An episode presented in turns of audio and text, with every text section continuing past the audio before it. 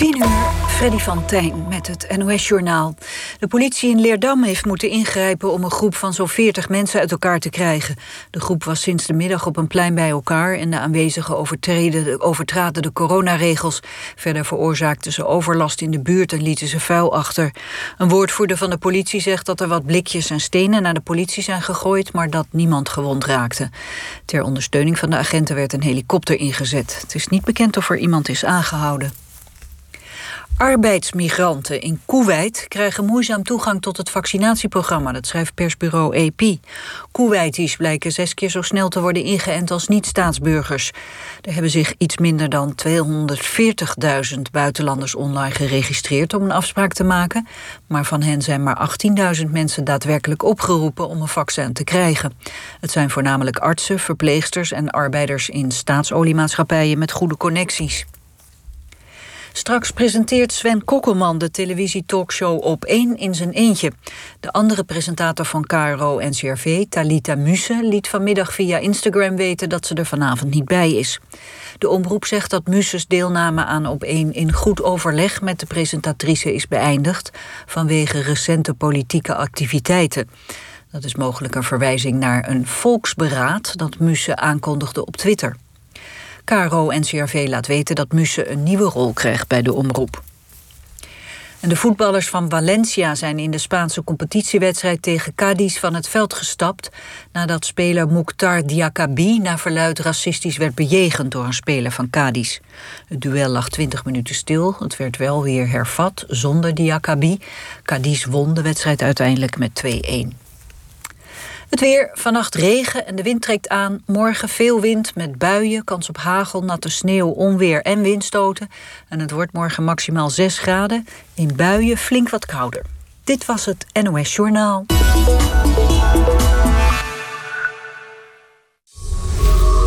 Kaartlezen. Oh, wacht, ik kom op de kop. Werd navigatie. Keer hier om. Brieftikken. Werd e-mail. En FM wordt DAB+. Ben jij al om? Check dabplus.nl. In een nieuw seizoen van de BNN-VARA-serie Oogappels... worstelen vier verschillende gezinnen met de opvoeding van hun kinderen. Is dit cocaïne? Wat de fuck doe jij in mijn kamer? Ik vraag hoe jij hier aan komt. Ouderstress en puberleed in het derde seizoen van Oogappels. Dat jij je niet totaal doodschaamt! Stream Oogappels, nu op NPO+. NOS,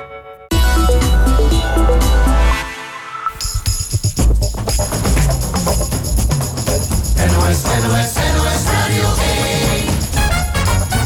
Langs de lijn met Tom van Hek.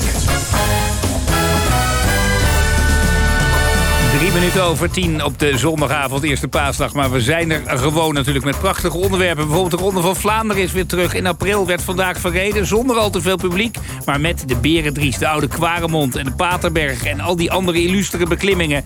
En, en met een verrassing, want Mathieu van der Poel legde het af... in een 1 tegen 1 duel met Casper Asgreen. Ik heb uh, de perfecte koers, heel sterke ploeg achter mij gehad vandaag. Um, ja, ik doe alles wat ik moet doen, maar ik word gewoon op waarde geklopt in de sprint. Praten we zo over verder natuurlijk, over de ronde... en ook over de overwinning bij de vrouwen van Annemiek van Vleuten.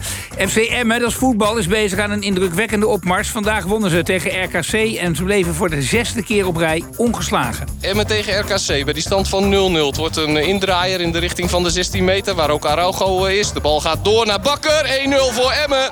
Ja, praten we zo meteen over met de trainer van Emmen, Dick Lukien. En een uniek toernooi in het hockey, de Euro Hockey League... wordt dit paasweekend voor het eerst ook door vrouwenteams gespeeld. Daar is Moes, daar is Moes en daar is haar tweede. Dit is lekker voor Amsterdam, 4-2. En Freke Moes scoort opnieuw. We hebben het zo over dat vrouwentoernooi. Amsterdam werd daar vandaag derde. En over uniek gesproken, we hebben het ook over een speciale editie... van de legendarische roeiwedstrijd, de Boat Race.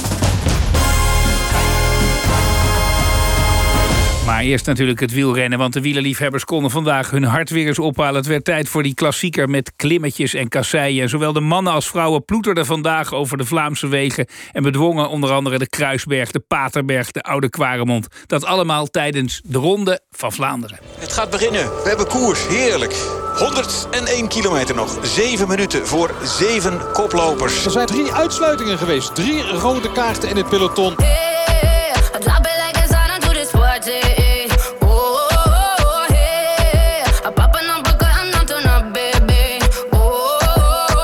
13 hellingen maar liefst op uh, hun parcours liggen. En net als bij de mannen zijn de Kwaremond en de Paterberg dan de laatste twee. Met Van der Poel en Van Aert, dat is o zo symbolisch aan kop van het peloton. Kijk, de rest die zeggen nu letterlijk... jongens, het is aan jullie. Jullie zijn de grote twee, de grote helden van het hedendaagse wielrennen. Ja, zoek het maar uit. Doe het maar.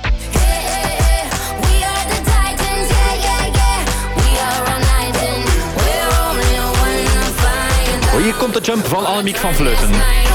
We zijn begonnen aan die Taaienberg. Nu gaan ze inderdaad als rijpe appelen van de boom vallen. En blijven alleen de sterkste over. Twee nationale kampioenen, één gewone kampioen en een wereldkampioen. Juliana Philippe. En alweer Mathieu van der Poel die met zijn krachten smijt. Dit gaan we volgen met Asgreen aan de leiding. De Kruisberg hebben we gehad. Nu nog één keer de Oude Kwaremond en dan de Paterberg aanval in de koproep van het nummer 12, Ashgreen. En Wout van Aert. En Van der Poel die reageert meteen. En dan moet Alaphilippe blijven zitten. Voilà, met z'n drieën. Nee, ze gaan weg.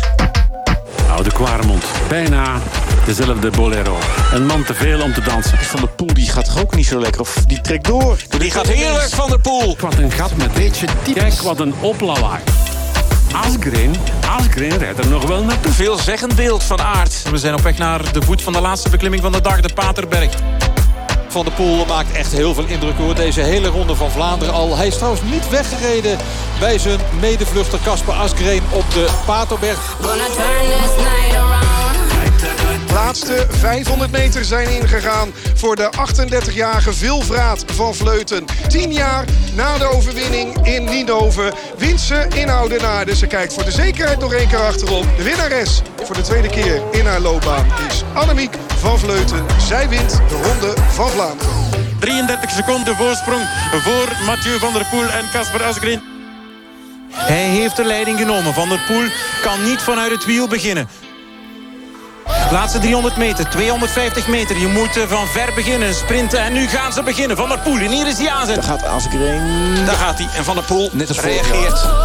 Van der Poel die aan de binnenkant uh, tegen de boarding aan. Meteen dat tempo probeert op te schroeven. Nou, nou, nou. Van der Poel houdt stand. En Asgreen komt ernaast. Asgreen komt ernaast. En Van der Poel zet zich recht. Hij heeft hem nog steeds niet verslagen, Van der Poel. Van der Poel laat lopen. Het is Asgreen. Het is Asgreen die Jan door de Ronde van Vlaanderen is. Hoe is dat mogelijk? Het is weg. Het is op. Het is over. Asgreen pakt de Ronde van Vlaanderen.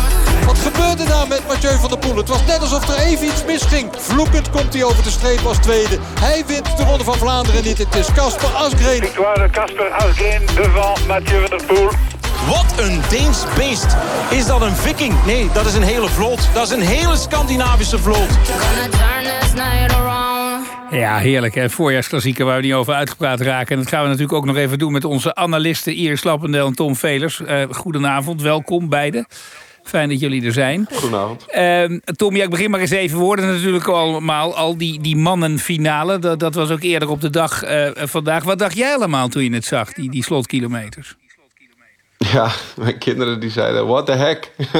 en dat is wel heel toepasselijk voor jouw naam, Tom. Maar uh, ja, dat uh, was inderdaad mijn gedachte voor, uh, voor de tv. Want het, ja, dit zag ik niet aankomen. Ben ik heel eerlijk in. Maar Nederlanders denken als Van der Poel meerijdt... dan is het interessant dat er ook nog anderen meedoen. Maar de uitslag staat al vast. Hebben wij dat iets te veel? Ja, een beetje chauvinisme. dat, uh, dat, uh, ja, dat sluipt er toch in. Uh, als je toch, als, ja, zo'n Van der Poel die zet, die zet daar een standaard. En die zet dat zo hoog. En die, en die flikt het hem keer op keer. En ja, het is hem natuurlijk niet altijd gegeven. Het moet een keer misgaan. Um, maar in de sprint is normaal gesproken. Hij, hij wint massa-sprints. Ik bedoel, die is in de sprint niet. normaal zeggen ze niet te kloppen. Maar ja. Na 256 kilometer uh, ja. is het andere koek. En dat zagen we. Want uh, Iris, die vraag stel ik aan jou. Die, die, die Asgreen, is die ook gewoon heel erg slim geweest vandaag? Kunnen we dat ook gewoon zeggen? Nou, ik denk dat hij vooral echt heel erg goed was vandaag. Want uh, nou ja, hij, hij zat er natuurlijk al vroeg in de koers echt goed mee. Hij, uh, hij maakte ook mede de slag. Dus ik denk dat hij ook gewoon echt over uh, super benen beschikte. En ja, zo, zo, vorige week won hij natuurlijk ook al indrukwekkende wijze in koers. Dus ja, hij, hij was ook wel echt heel goed. Dus ik denk dat het niet alleen slimmigheid was, maar dat hij ook gewoon ja, echt de sterkste man in de koers was vandaag. Uh, wij zijn heel erg genegen, Iris, om uh, voortdurend Van Aert, uh, Alaphilippe, Van der Poel. er waren van de week al eens renners die zeiden... er zijn nog meer wielrenners. Hebben, hebben we dat vandaag het bewijs van gekregen? Ja, daar hebben we het bewijs van gekregen. En ik denk dat het ook wel gewoon ja, toch het mooie is aan, uh, aan wielrennen. Dat het soms zo onvoorspelbaar kan zijn. En uh, ja, dat houdt het eigenlijk toch wel leuk, of niet? Ja, dat is zeker leuk. Tom Velers, wat jij minder leuk vond... was geloof ik een paar andere Nederlanders... Hè, die om allerlei redenen een beetje uh, pechvol deze dag doorkwamen. Ja, ja dat, uh, dat vond ik enigszins zonde. En uh, ja, onder andere valpartijen, uh, wat, daar, ehm, wat daar aan ten grondslag lagen natuurlijk. En onder andere Niels Eekhoff daarin. Um, Dille van Balen die, die opgehouden werd. En, en Oscar Riesebeek. ja, dit waren de jongens waar ik, waar ik ja, de laatste tijd echt wel een hoge pet van op had. Um, en ja, vooral Dille van Balen om echt een uitslag te doen. en het knechtenwerk slash um, semifinale werk voor Eekhoff en, uh, en Riesebeek. Uh, die gewoon de laatste tijd gewoon heel goed reden. Ja. En uh, zo zie je maar dat in de Ronde van Vlaanderen moet het ook meezitten om, om iets te kunnen maken. Want ja, dat is echt zo'n scherprechter. Telkens weer, elke klim weer. En wat je net zegt van Casper Askeren, de uiteindelijke winnaar op de Taaienberg. Uh, ja, daar, daar, begon hij eigenlijk de forsing van, uh, van dat groepje van, uh, van vier. Wat, wat Iris ook goed opgevallen is. heel knap en durf gedurfd.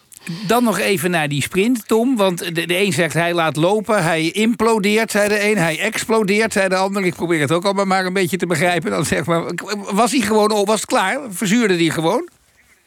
Ja, je zag het wel aan zijn sprinthouding. Maar dan moet ik eerlijk zeggen dat ik daar de replay van nodig had. Uh, hij, hij, ja, hij spartelde een beetje, naar mijn idee. Um, en op die manier... Uh, uh, kijk, vorig jaar was het een sprint à deux met, met Van Aert. toen zat er echt nog wel wat achter.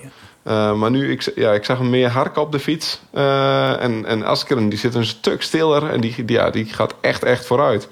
Uh, en je ziet inderdaad dat hij uh, op een gegeven moment komt het punt dat hij, uh, ja, dat hij het niet meer trekt. En vaak is dat op klimmetjes, maar nu zien we dat in de laatste meters met een, een semi-vlakke aankomst. Um, nou had hij van tevoren gezegd, het beste is er al een beetje af. Was dat na 255,8 kilometer? Of hoe moeten we dat zien, Tom? Ja, ja, ja nou goed. Um, ik denk dat het beste, je, je voelt dat wel een beetje aankomen. Uh, en het is ook wel, uh, kijk, uh, dat hij op een, een kware mond. Kijk, ze rijden daar met drie rijden daar vooruit. Askeren, Van Aert en, Van der Poel. En dat, ja, dat is zo'n punt dat, dat een, een Van Aert die rijdt daar op kop. Dat gaat als loei en loeihard. je bent jezelf mega, mega pijn aan het doen. En dan heb je toch nog ergens een kronkeltje in je hoofd. Die zegt, hier moet ik gaan. En, en dan ja, terg je jezelf eigenlijk nog dieper in je reserves en in, je capaciteit. Uh, om de ander eigenlijk nog uh, verder op die pijnbank te leggen. Ja, en daar rijden ze dus inderdaad van af. Uh, daarna sluiten ze een semi-bondje naar mijn inziens, uh, om samen verder te gaan. En samen over die Paterberg heen te komen. En richting de finish, uh, waar ze elkaar toch semi nodig hebben. Uh, want daarachter bleven goede renners toch, toch doorrijden. Dan heb ik enigszins nog die laatste 13 kilometer gedacht... Ja. nou, 20 seconden is niet heel ruim. Nee, maar die, ja. die hielden ze wel. Uh, hij werd tweede, zouden hoop mensen voor tekenen... maar hij baalde na afloop van zijn verlies. Laten we even luisteren, maar hij nam het zichzelf niet kwalijk. Nee, helemaal niet. Ik heb uh, de perfecte koers, heel sterke ploeg achter mij gehad vandaag. Um, ja, ik doe alles wat ik moet doen, maar ik word gewoon op waarde geklopt in de sprint. Het, het beste was eraf. Ja, dat is gewoon het verhaal. Het was gewoon leeg. Ja, denk ik wel. En ik had onderweg ook al gezien, uh, telkens als ik een aanval of versnelling plaats, was het Asgreen die eigenlijk uh, vrij makkelijk mee was altijd. Dus ik had er wel door dat hij uh, wel de betere was in koers ook. En uh, ik denk wel dat hij uh, verdiende winnaar is sowieso. Ja, dat zag je, je zag het ook op de Paterberg. Hè. Daar, daar probeerde je het, maar je keek opzij ja, en, hij, en hij, hij reed gewoon met je, met, met je mee. Ja, Paterberg was het al afgesproken dat we samen naar de meet gingen rijden. Dus oh. we hadden elkaar wel nodig natuurlijk. Was, het is nog best lang naar die Paterberg. En, ja, ik weet ook dat ik, hem, uh, dat ik hem nodig heb om naar de finish te rijden. Ja, vooraf had je wat twijfels over je benen. Sprak je wat uit over je vorm. Uh, uh, dat was allemaal, ja, je, wat je zegt, je hebt een hele goede race gereden. Je was gewoon de oude Mathieu van der Poel. Ja, ik was niet, niet super super, maar ik was wel gewoon heel goed. Maar als ik de beste Mathieu van der Poel ben, moet ik die sprint nooit verliezen natuurlijk. Nee, en bouw je daar nu heel erg van? Ja, daar bouw ik wel heel erg van, maar ik kan het ook wel plaatsen omdat ik op waarde geklopt ben eerlijke woorden van Mathieu van der Poel. Um, Iers Lappendel, toen gingen we vervolgens kijken naar de, de vrouwenkoers. Uh, was dat net zo'n spektakel voor de mensen die het niet gezien hebben? Nou, ik denk dat uh, zeker vanaf de Paterberg of vanaf de Oude Kwaremond eigenlijk...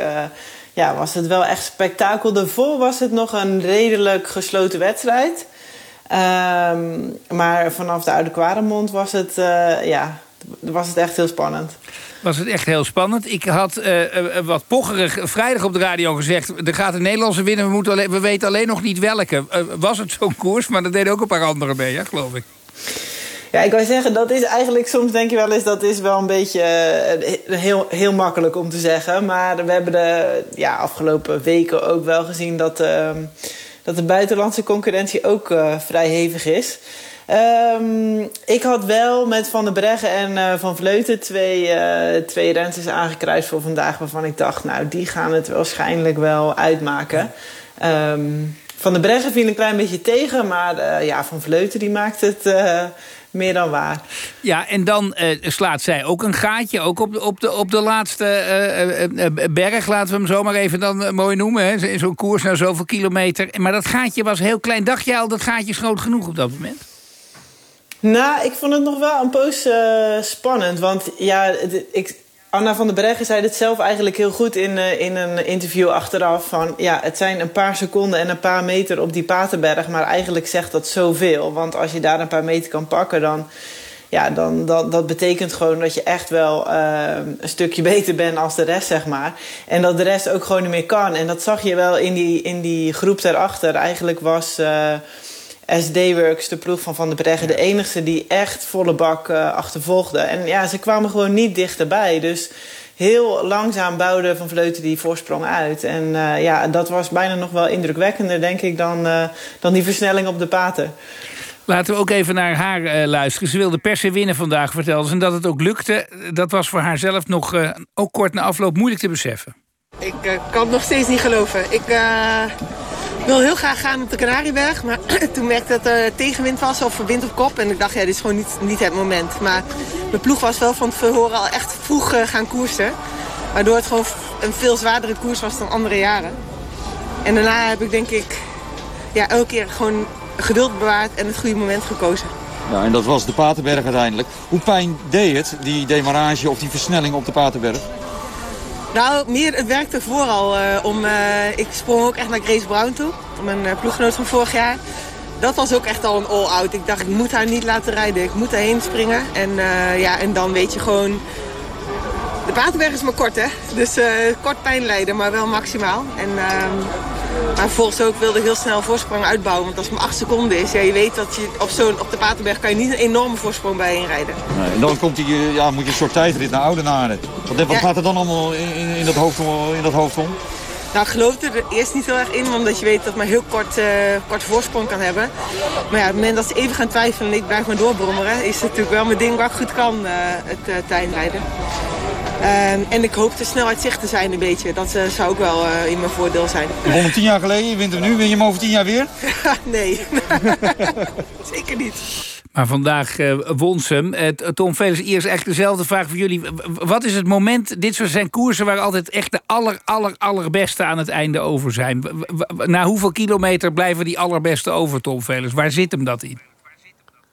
Ja, dat is heel wisselend. Kijk, eh, en een, kijk een Ronde van Vlaanderen, dat is eh, onder de, de mannenkoersen, de eendagswedstrijd, is dat de, de wedstrijd, Ja. zeg maar. Want eh, je hebt daar zeg maar keer op keer, elke klim weer. je kunt je niet verstoppen.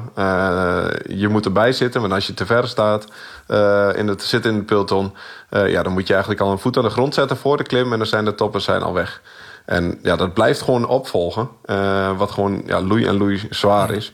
Ehm, dus dan begint natuurlijk vooral over de, het aantal kilometer, die 256 kilometer in dit geval, dan, dat begint echt, echt te tellen. Ehm, ja, voor mij persoonlijk was dat al naar een 180, 200 kilometer in een ronde van Vlaanderen. En eh, eh, mag ik van geluk spreken dat ik op eh, volgens mij vijf deelnames, één keer uitrijden, eh, twee keer ontsnapping en nog ja, één keer de finish ook eigenlijk echt in de, in de uitslag ook eh, gehaald eh, te hebben. Ehm, maar goed, dat is eh, eh, eh, En, en hier- echt die uit, ja. uitputting. En eerst is het bij vrouwen exact hetzelfde verhaal. Exact hetzelfde principe. Ja, een beetje wel. En het is, het is inderdaad wat Tom zegt. Het is, ehm, ja, je moet aan de ene kant moet je constant goed van voren rijden. Want van achteren ja, ge- gebeuren gewoon de meeste ongelukken, zo gezegd. En dat kost ook heel veel energie. Maar je moet ook niet, eh, je moet ook zo lang mogelijk wachten. Dus het is een hele lastige balans om en zo lang mogelijk te sparen voor diep in die finale. En dat zijn meestal de laatste 30 kilometer. Eh, en niet eh, ja, van achteren een beetje eh, in, het in het gedrang komen of eh, ja, door pech de wedstrijd moeten verlaten. En dat maakt zo die, die, zo'n wedstrijd als Vlaanderen heel zwaar. Dus het is zowel mentaal als fysiek eigenlijk. Eén vraagje nog. Ehm, als je een bidon weggooit op de verkeerde plek... dan mag je niet meer meerijden. Dat is een fantastische regel, lijkt me. Maar eh, wat, zijn jullie vast niet helemaal over te spreken. Snapt iedereen die regel, Tom Velers? Nou, nou blijkbaar niet. Ehm, en ik vind het ook een kulregel, om, eh, om eerlijk te zijn. Ik hoop dat Iris eh, daar ook eh, achter staat. Maar ehm, kijk, bidons werden Ik voorheen er- altijd Ik maak weggegooid. me er heel bo- boos over. Ja.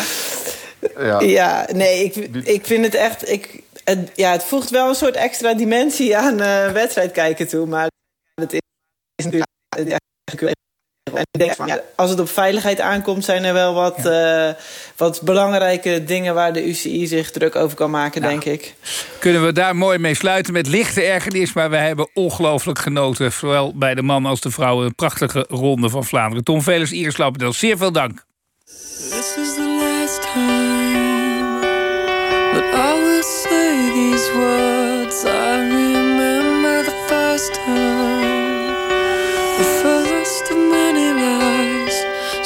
waiting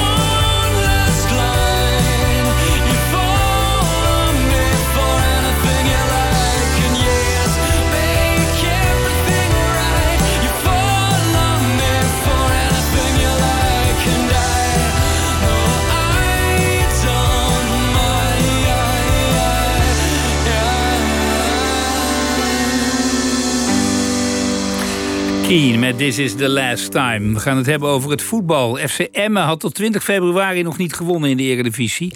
Toen was het na 23 duels eindelijk raak thuis tegen PEC Zwolle. En sindsdien is Emmen zes duels op rij ongeslagen. Vandaag werd RKC met 3-1 aan de kant geschoven.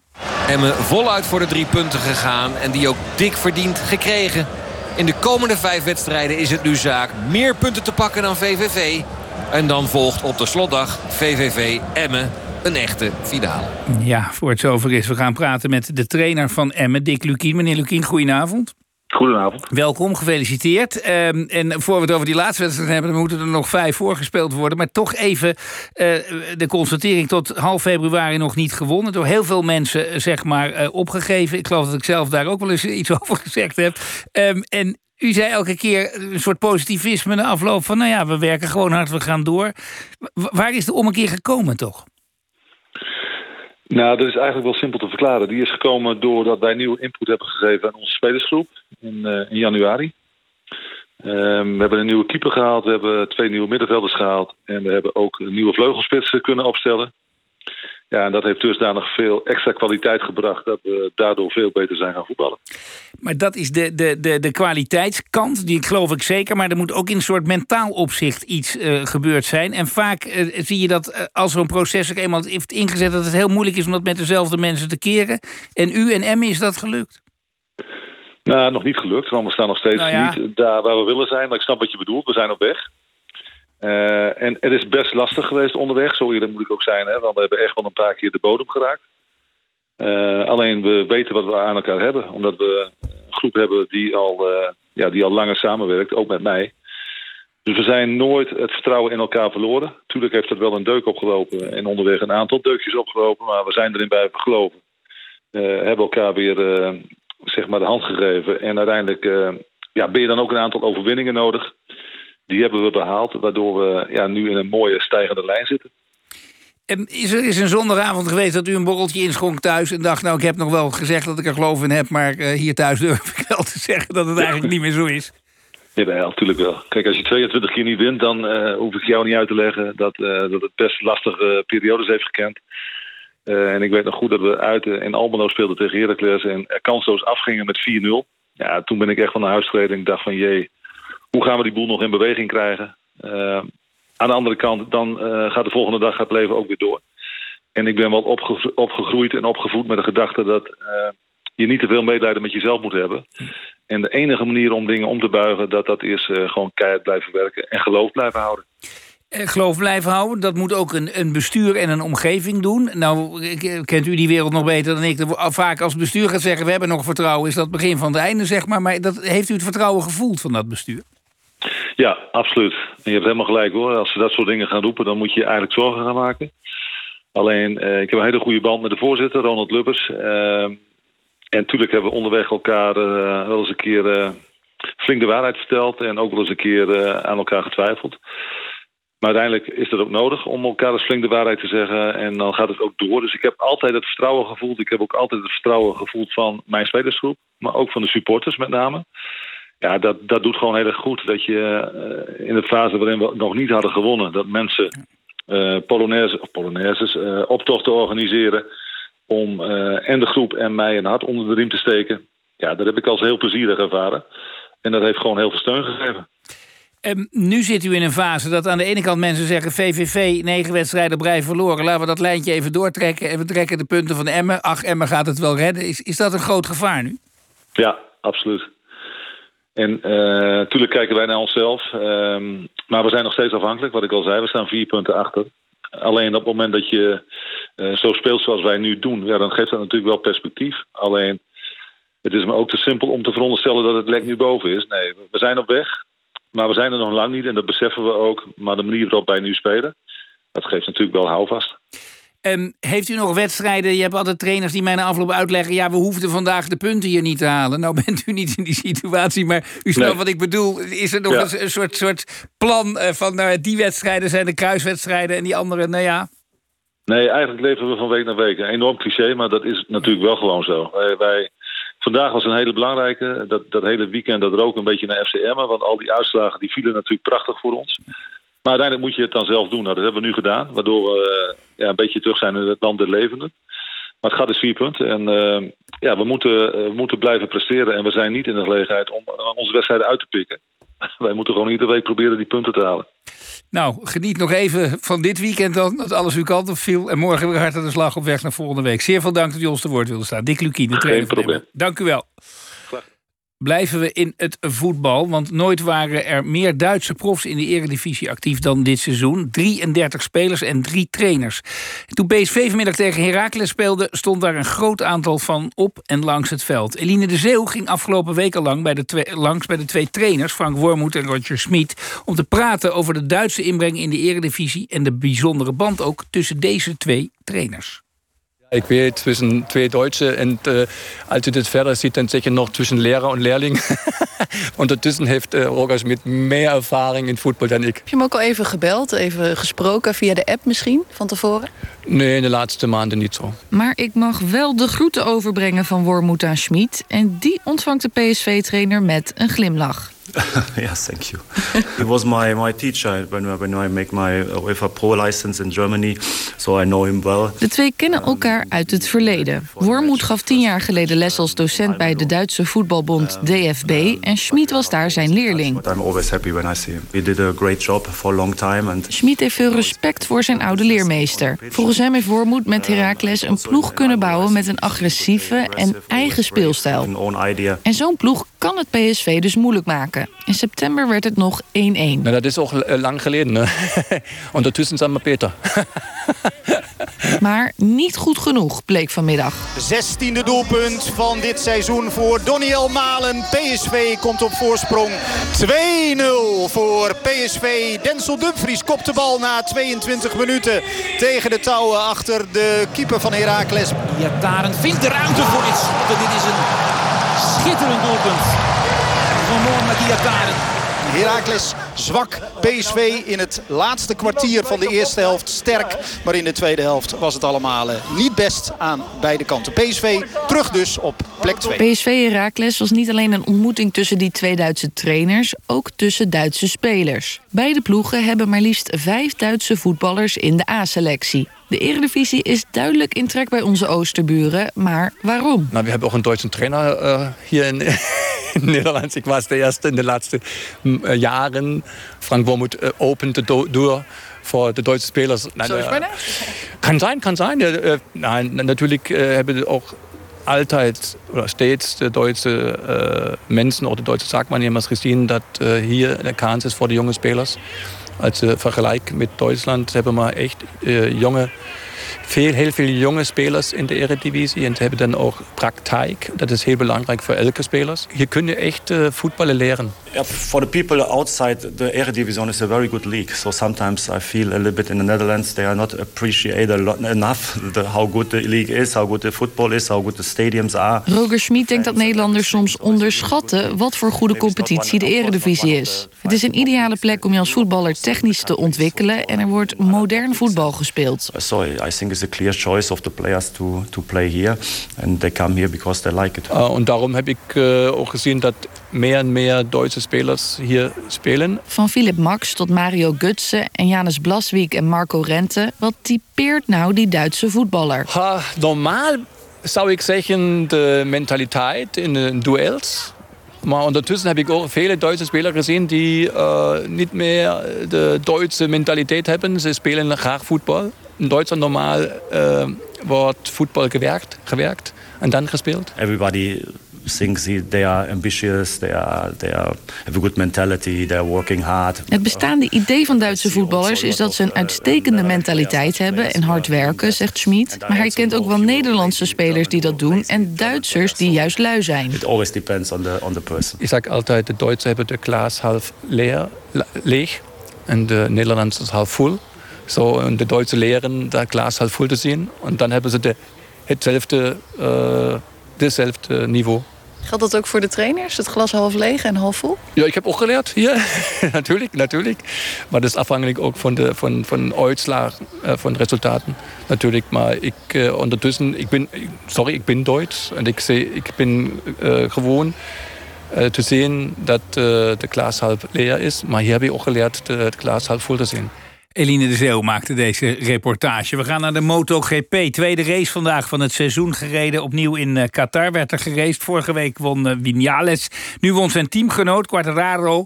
Hans van Lozenoord, onze NOS-commentator... heeft natuurlijk alles voor ons uh, gevolgd. Hans, een, ja, een, een race. ja, race der races, dat lijkt het bijna elke week. Maar het was ongelooflijk wat er allemaal vanavond gebeurde. Begin van de avond. Ja, uh, weer een nieuw record. Hè? Want uh, als je kijkt wat het verschil is tussen de, tussen de kopman en uh, bijvoorbeeld de coureur die als, als elfde of twaalfde binnenkomt, dan is het verschil maar 5,7 seconden. Het, dat, is, dat is ongehoord. Het is de, de, de beste close race uh, in de geschiedenis van de motorsport. En we zijn pas in de tweede Grand Prix van het seizoen. Dit wordt echt uh, een, een kraker van het jaar. En ja, we hebben vorig jaar natuurlijk in die wedstrijden... hebben we niet een heel volledig seizoen gedraaid... maar toch al negen verschillende winnaars gehad. Nou, we gaan, uh, dat gaan we dit jaar ook meemaken. Misschien wordt het er wel meer. Toch even dan eerst naar de winnaar van vandaag, Quartararo. Vorig jaar tweede in het eindklassement. Wel eens een beetje wilde bras, geloof ik, genoemd. Maar vandaag niet, hè?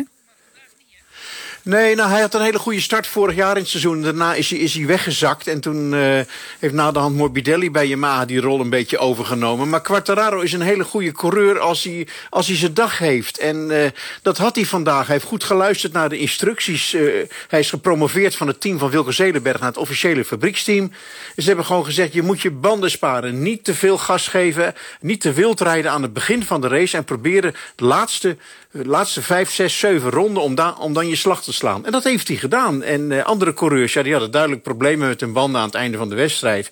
Behalve zijn teamgenoot Vinales. Dat ging ook nog ja. wel goed, maar die, had een, uh, die moest uitwijken voor een andere rijder die in de fout ging... waardoor hij drie plekken verloor. En tenslotte slechts vijfde werd. Maar Quartararo heeft heel slim gereden, zijn banden gespaard... intelligent gereden, zoals het dan heet. En een verdiende wedstrijd gewonnen. Is die Quartararo nu ook meteen favoriet? Of zeg jij nou nee, we hebben juist 6, 7, 8 favorieten misschien wel? Ja, zeker. Hij behoort tot de favorieten samen met Vinales. Maar je mag toch ook, uh, je mag toch ook een, een, een Alex Rins op Suzuki mag je meerekenen. Die werd vierde vandaag. En uh, ik, ik, ik vlak ook Jack Miller nog niet uit Australië. Die werd negende. Dat valt dan een beetje tegen. Maar ja, die kan ook nog een heel stuk naar voren komen. En Franco Morbidelli geldt hetzelfde voor. Maar het was natuurlijk een, een rampdag voor het team van Van Zedenberg. Want Morbidelli die haalde geen punten in de eerste Grand Prix. Dat had hij een probleem met zijn launch control. Dat is het, uh, ja, die elektronica die ervoor zorgt dat je bij de start goed wegkomt. Dus haalde hij helemaal geen punten. Nu werd hij slechts twaalfde. Maar helemaal triest was het optreden van Valentino Rossi, zijn teamgenoot. Die rijdt dan dit jaar voor het eerst voor het Petronas Yamaha-team van Zelenberg. En die werd zestiende, buiten de punten. De man moest van de achterste startrij vertrekken. Nog nooit heeft hij zich zo slecht gekwalificeerd voor de wedstrijd. En ja, dat is een triest verhaal voor iemand die, uh, die 42 ja. is... en aan zijn, uh, aan zijn 26e seizoen bezig is. Toch even met het noemen van die merken, want bij die, bij die auto Formule 1 hebben we natuurlijk altijd heel erg... dat de auto ook ongelooflijk bepalend is. Nou zullen die merken bij die motoren... maar is dat bij die motoren minder bepalend? Is, het minder, uh, is er minder suprematie van één of twee merken? Ja, dat, dat is zeker zo. De, in, de, in de motorsport heeft de coureur in verhouding nog meer invloed op het eindresultaat dan het materiaal waar hij op zit. Het, natuurlijk is het materiaal belangrijk, maar niet zo als in de Formule 1. Dan zie je ook heel vaak dezelfde auto's naast elkaar op één startlijn staan. Hè. Dat zijn, uh, dat zijn de, de, ja. de krasverhoudingen zijn, uh, zijn, uh, ja, die liggen dan een beetje vast. En je kunt rustig een aantal mensen zou je in een Mercedes kunnen zetten. En dan uh, behalen ze hetzelfde resultaat als Lewis Hamilton bij wijze van spreken. En dat, dat wordt dan ook wel vaak geroepen. Maar in de motorsport ligt dat net even iets anders. Er komt bovendien bij dat je nu op zo'n circuit als in Losail in, in, in Doha ziet... dat het lange rechte stuk van 1 kilometer... daar halen die Ducatis die halen daar een topsnelheid van 350, 352 ja. kilometer per uur.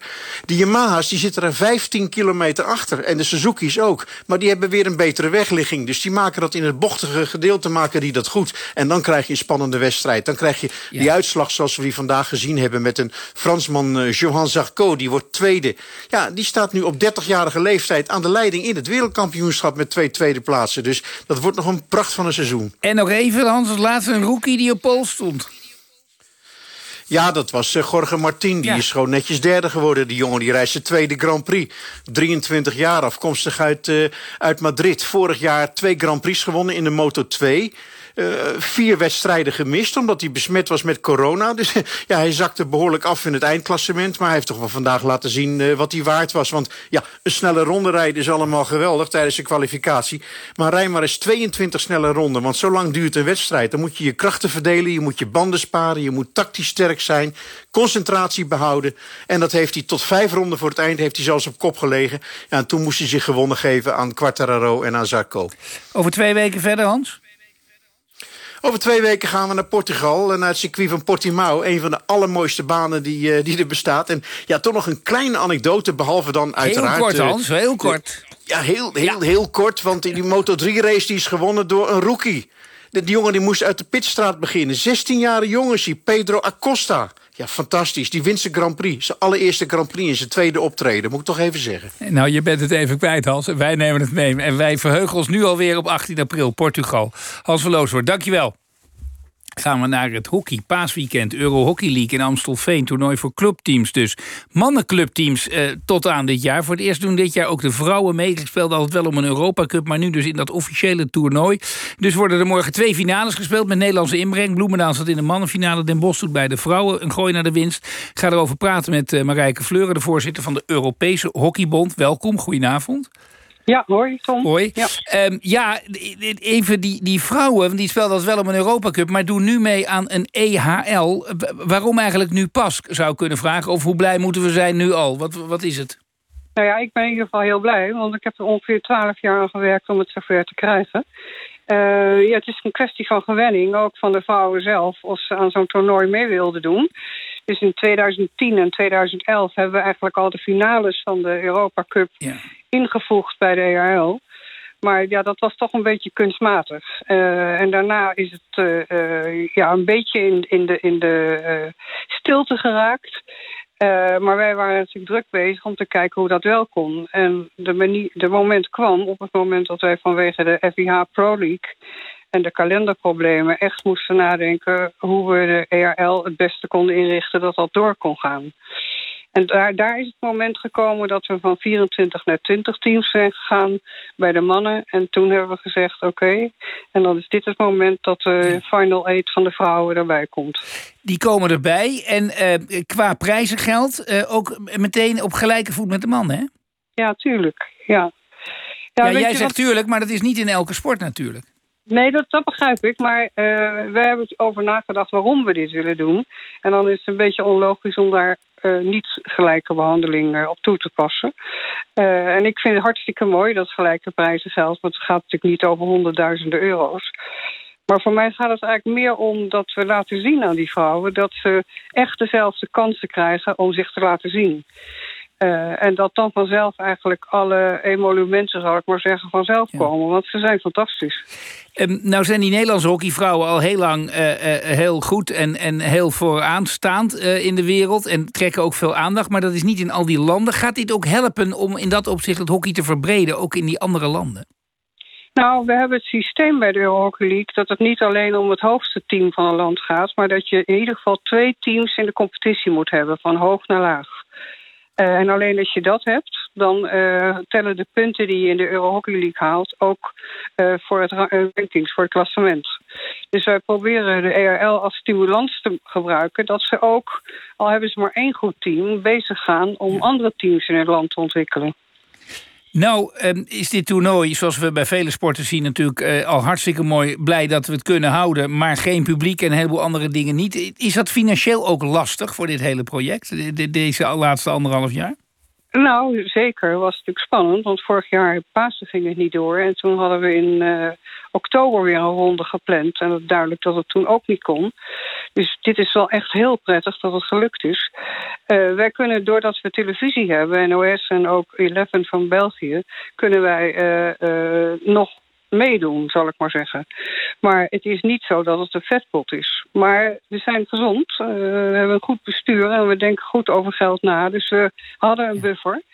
Maar we zijn wel heel blij dat het nu met Pasen op deze manier gespeeld is, ja. En als je er nu naar het toernooi kijkt met alles uh, erop en eraan, hoe het moet... toch heel blij dat het er is en ook tevreden over het verloop tot nu toe? Ja, super. Ja, als je de wedstrijden ziet, het is echt allemaal 1-1 geworden. Of op de laatste seconde 3-2. Het is echt heel bijzonder wat er gebeurt. Het is een fantastische competitie. En het is leuk elke keer om te horen dat de spelers, maar de coaches het ook zo'n fantastische competitie vinden. Dus dan is het ook leuk om, eh, om ervoor te werken.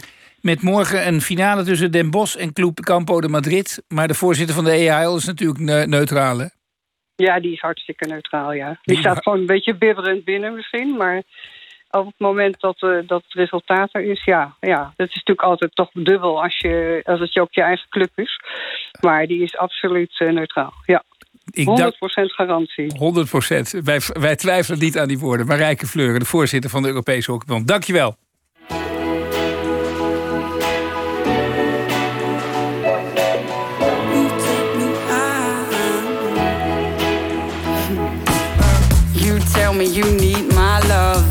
three seconds later I mean nothing. Go ahead, I'll take it with a smile. My mama said that boy's something. I bet he's no good for nothing. Now I know that she is always right. Ooh, I'm so tired of you telling me what to do. I kinda wanna leave you now.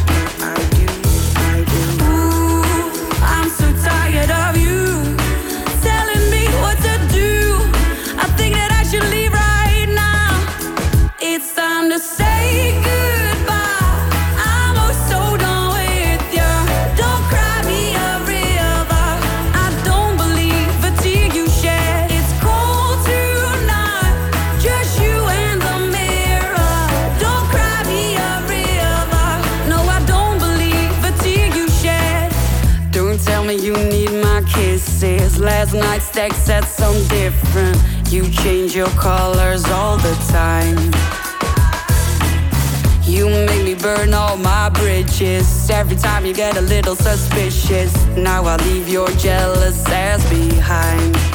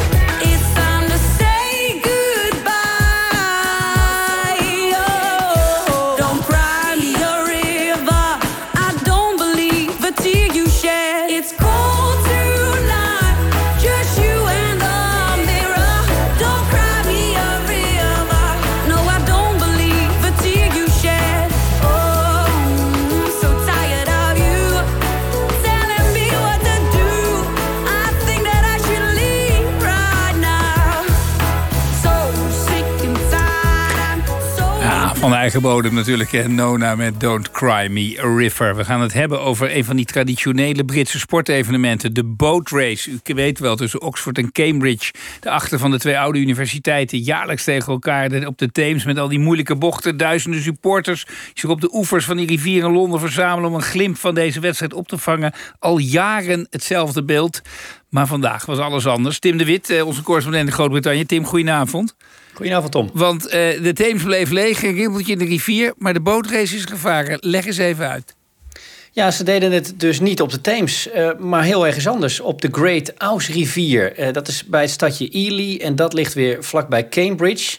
En dat had natuurlijk alles te maken eh, met de kans dat er misschien toch wel heel veel publiek op zou komen. als ze het toch op de Theems hadden georganiseerd vandaag. En dit was natuurlijk een manier, hè, zo een beetje afgelegen op het Britse platteland buiten de stad. eh, om het coronaproof wel te kunnen organiseren. En er was trouwens nog een ander probleem op de Theems. Want ze moeten op het traditionele parcours altijd onder de Hammersmith Bridge doorvaren. Maar die brug, is een 19e-eeuwse brug, die verkeert in zo'n slechte staat dat er instortingsgevaar is. Dus daar mochten ze niet onder doorvaren. Dus dat was ook nog een reden dat de organisatie dacht: nee, dan verschuiven we het hele evenement maar naar een plek waar het wel kan en waar we geen last hebben van inst- instortende bruggen en ook zonder publiek. Maar beste Tim, nou toch even alle goede zaken op een rijtje. Want tradities zijn er soms om in stand te houden. En als er één land is waar ze van de tradities zijn... zijn het de Britten en de boatrace en de w- Hoe is daar gereageerd? Ja, dit, dit voelde wel heel erg onwennig. Eh, dat merkte hij de afgelopen dagen al een beetje in de media. Die, die stonden daar natuurlijk ook al bij stil van... eh, ja, hoe moeten we dit nou duiden? Hè? Hoe belangrijk is deze? Heeft hij nog wel de allure als het ineens heel, heel ergens anders plaatsvindt? En ik zag bijvoorbeeld ook een vergelijking. eh, iemand die zei, de FA Cup finale... die speel je ook op Wembley en niet ineens in het stadion van Blackburn Rovers. Dan voelt het toch niet echt als een FA Cup finale. Dus dat gevoel was hier wel degelijk. En ja, tegelijkertijd, dit is... eh, voor Nederlands misschien niet altijd eh, iets waar ze altijd bij stilstaan. Maar die bootrace is een gigantisch sportevenement Ja. hier. Er staan dus zo'n 250.000 mensen jaarlijks, eh, zeker voor corona natuurlijk nog langs de kant. En vorig jaar was de race al afgelast vanwege corona. Dus dit was wel de enige optie om die bootrace, die al sinds 1829 wordt gevaren, eh, door te laten gaan. Dus dan toch maar dit als alternatief. Want dan kan hij in elk geval weer in de boeken. En eh, wat die bootrace ook altijd bijzonder maakt voor de mensen die hem al jaren volgen, dat zijn die bochten, koers kiezen, allerlei zaken. Ik zag nu gewoon een eh, Engelse bosbaan, Tim. Ja, ja, inderdaad. Ja, dit was gewoon vijf kilometer eh, rechtdoor knallen. Eh, het was echt eh, geen enkele bocht, geen sterke deining. In die zin dus ook niet al die elementen die je noemde... die het roeien op de Theems zo moeilijk maken... en daarmee natuurlijk ook veel spannender. Ehm, wat wel opviel trouwens, vond ik dat het een stuk smaller was dan op de Theems. Dus de twee boten kwamen regelmatig heel dicht bij elkaar in de buurt. Af en toe klapten de roeiriemen zelfs tegen elkaar aan... van de verschillende boten. Dus de scheidsrechter, was, er was natuurlijk geen publiek... Die had het hoogste woord. Die moest voortdurend waarschuwen, waarschuwingen uitdelen. Vond ik wel interessant om te zien. Maar nee, het was qua omstandigheden dus echt wel een stuk saaier... en ook een stuk minder spannend dan we, dan we gewend zijn. En vergeet ook niet, hè, deze roeiers... dit is natuurlijk misschien een kans die ze maar één keer in hun leven krijgen... om die beruchte bootrace te mogen varen. Die hebben zich hier dus in plaats van één jaar nu twee jaar op voorbereid. En ook nog vaak in isolatie thuis op zo'n roeimachine. Eh, vaak in een studentenkamer. Hè, want de meesten studeren natuurlijk gewoon aan een van de twee beroemde universiteiten.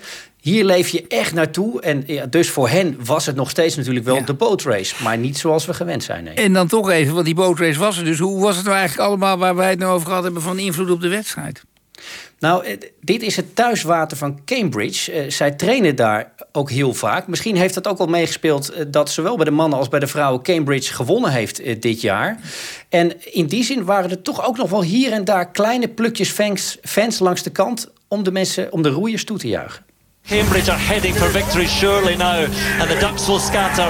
But the light brews of Cambridge, the cheers are for them as they come home because these are home fans who are able to gather in the gardens that line the banks of the River Grey Twos. It is going to be Cambridge after victory on the Thames in 2018 and 19. Now in 2021 on home water, it is still theirs. Cambridge have the victory by about the same margin as in the women's race, near enough a length. And what a race, what a win for Cambridge. Ja, we hoorden toch nog aardig wat lawaai. Laatste vraagje, Tim. Hoe is met die brug? En gaan we volgend jaar gewoon weer op de Theems? Ja, nou, dat, dat wordt nog wel even spannend. Er is zelfs ook al wel discussie over. Want eh, die Britten willen volgend jaar natuurlijk echt alles weer het liefst volgens traditie. En met al die fans, eh, als het allemaal goed gaat. Maar de brug moet dus nog wel gerepareerd worden. Nou, mocht dat niet op tijd lukken, dan zullen ze het waarschijnlijk wel op de Theems doen. Maar dan ietsje verderop in Londen. En dan dus, zoals gezegd, hopelijk wel weer met die 250.000 mensen langs de kant. Tim de Wit, onze correspondent vanuit Groot-Brittannië. Dankjewel.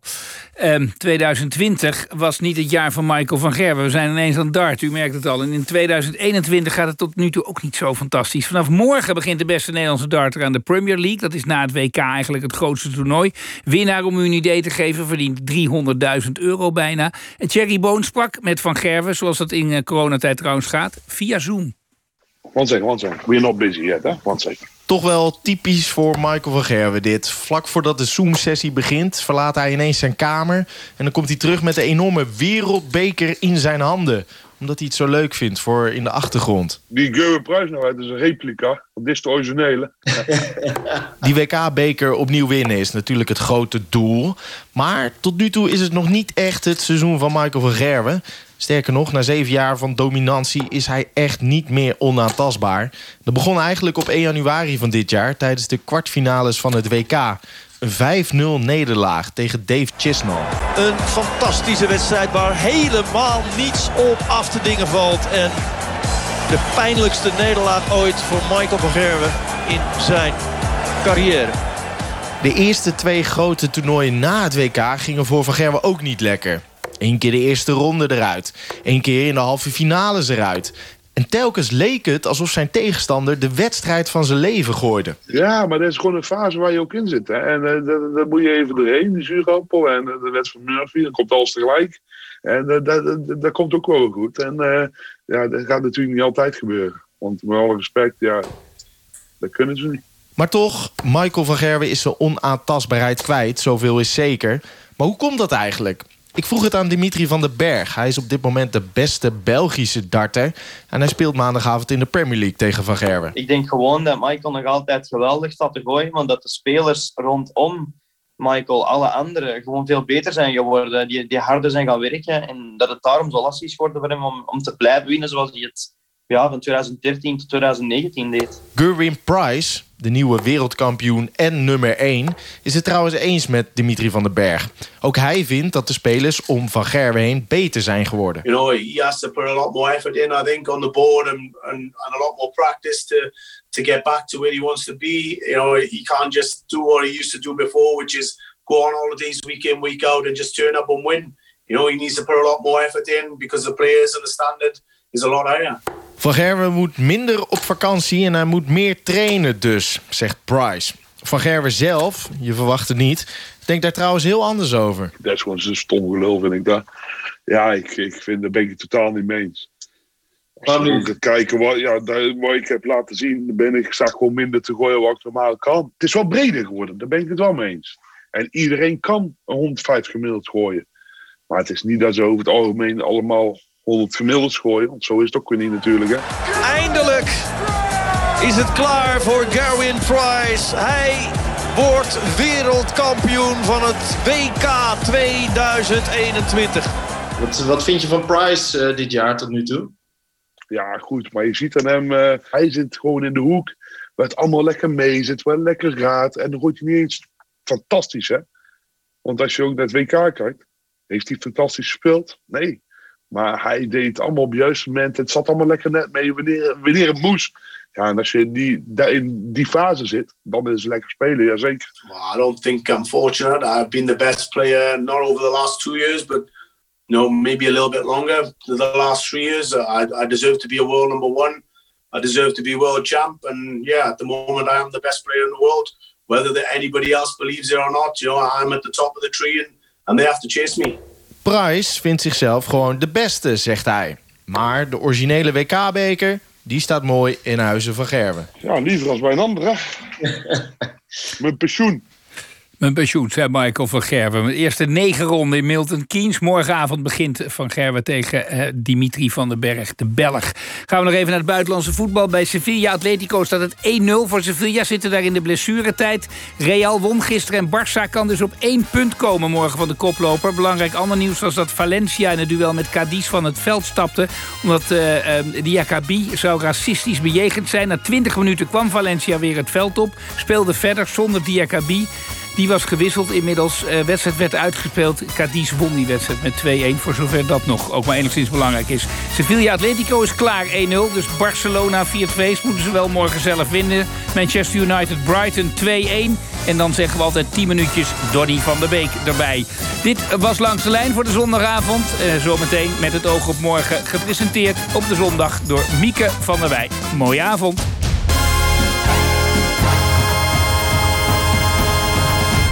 Ik ben toch uit mijn panty geschoten deze week. Ja, ja. ja, ik ben toch wel een beetje teleurgesteld. NPO Radio 1 podcast. podcast. Voorzitter, ik heb niet gelogen. Ik de stemming niet. van Vullings en Van der gelogen. Ik spreek je de waarheid. Ik lag eerst helemaal in een deuk. Dat ik dacht, nee, dit is het gewoon niet uit ongeloven. Ik sta hier niet te liegen. De podcast de over actuele politieke kwesties. Maar ik ben dan ook boos op de oppositie. Want ik denk daarvan, jaag hem in de hoek. Wat ik hier zeg is waar. Ga naar Ik heb niet gelogen nporadio1.nl voor de slash podcast of je favoriete is de en haal hem binnen. Dat is de waarheid. Wat eh, gaan we doen met Pasen? Always look on the bright side of life. Dit is de waarheid. De stemming van Vullings en Van der Wulp. Always look on the light side. Heb jij de WOZ-check nog steeds niet gedaan? Doe net als honderdduizenden mensen de gratis WOZ-check van Eerlijke WOZ. Zie binnen één minuut of jouw WOZ-waarde klopt en hoeveel jij kunt besparen. Je hebt nog maar een paar dagen. Ga naar eerlijkewoz.nl. Van Tilburg past de binnenblijvers en de buitenbeentjes. De roodharige en de 100-jarige. Van Tilburg past iedereen. Vermaak je in de grootste modewinkel van Nederland of op vantilburgonline.nl. NPO Radio 1.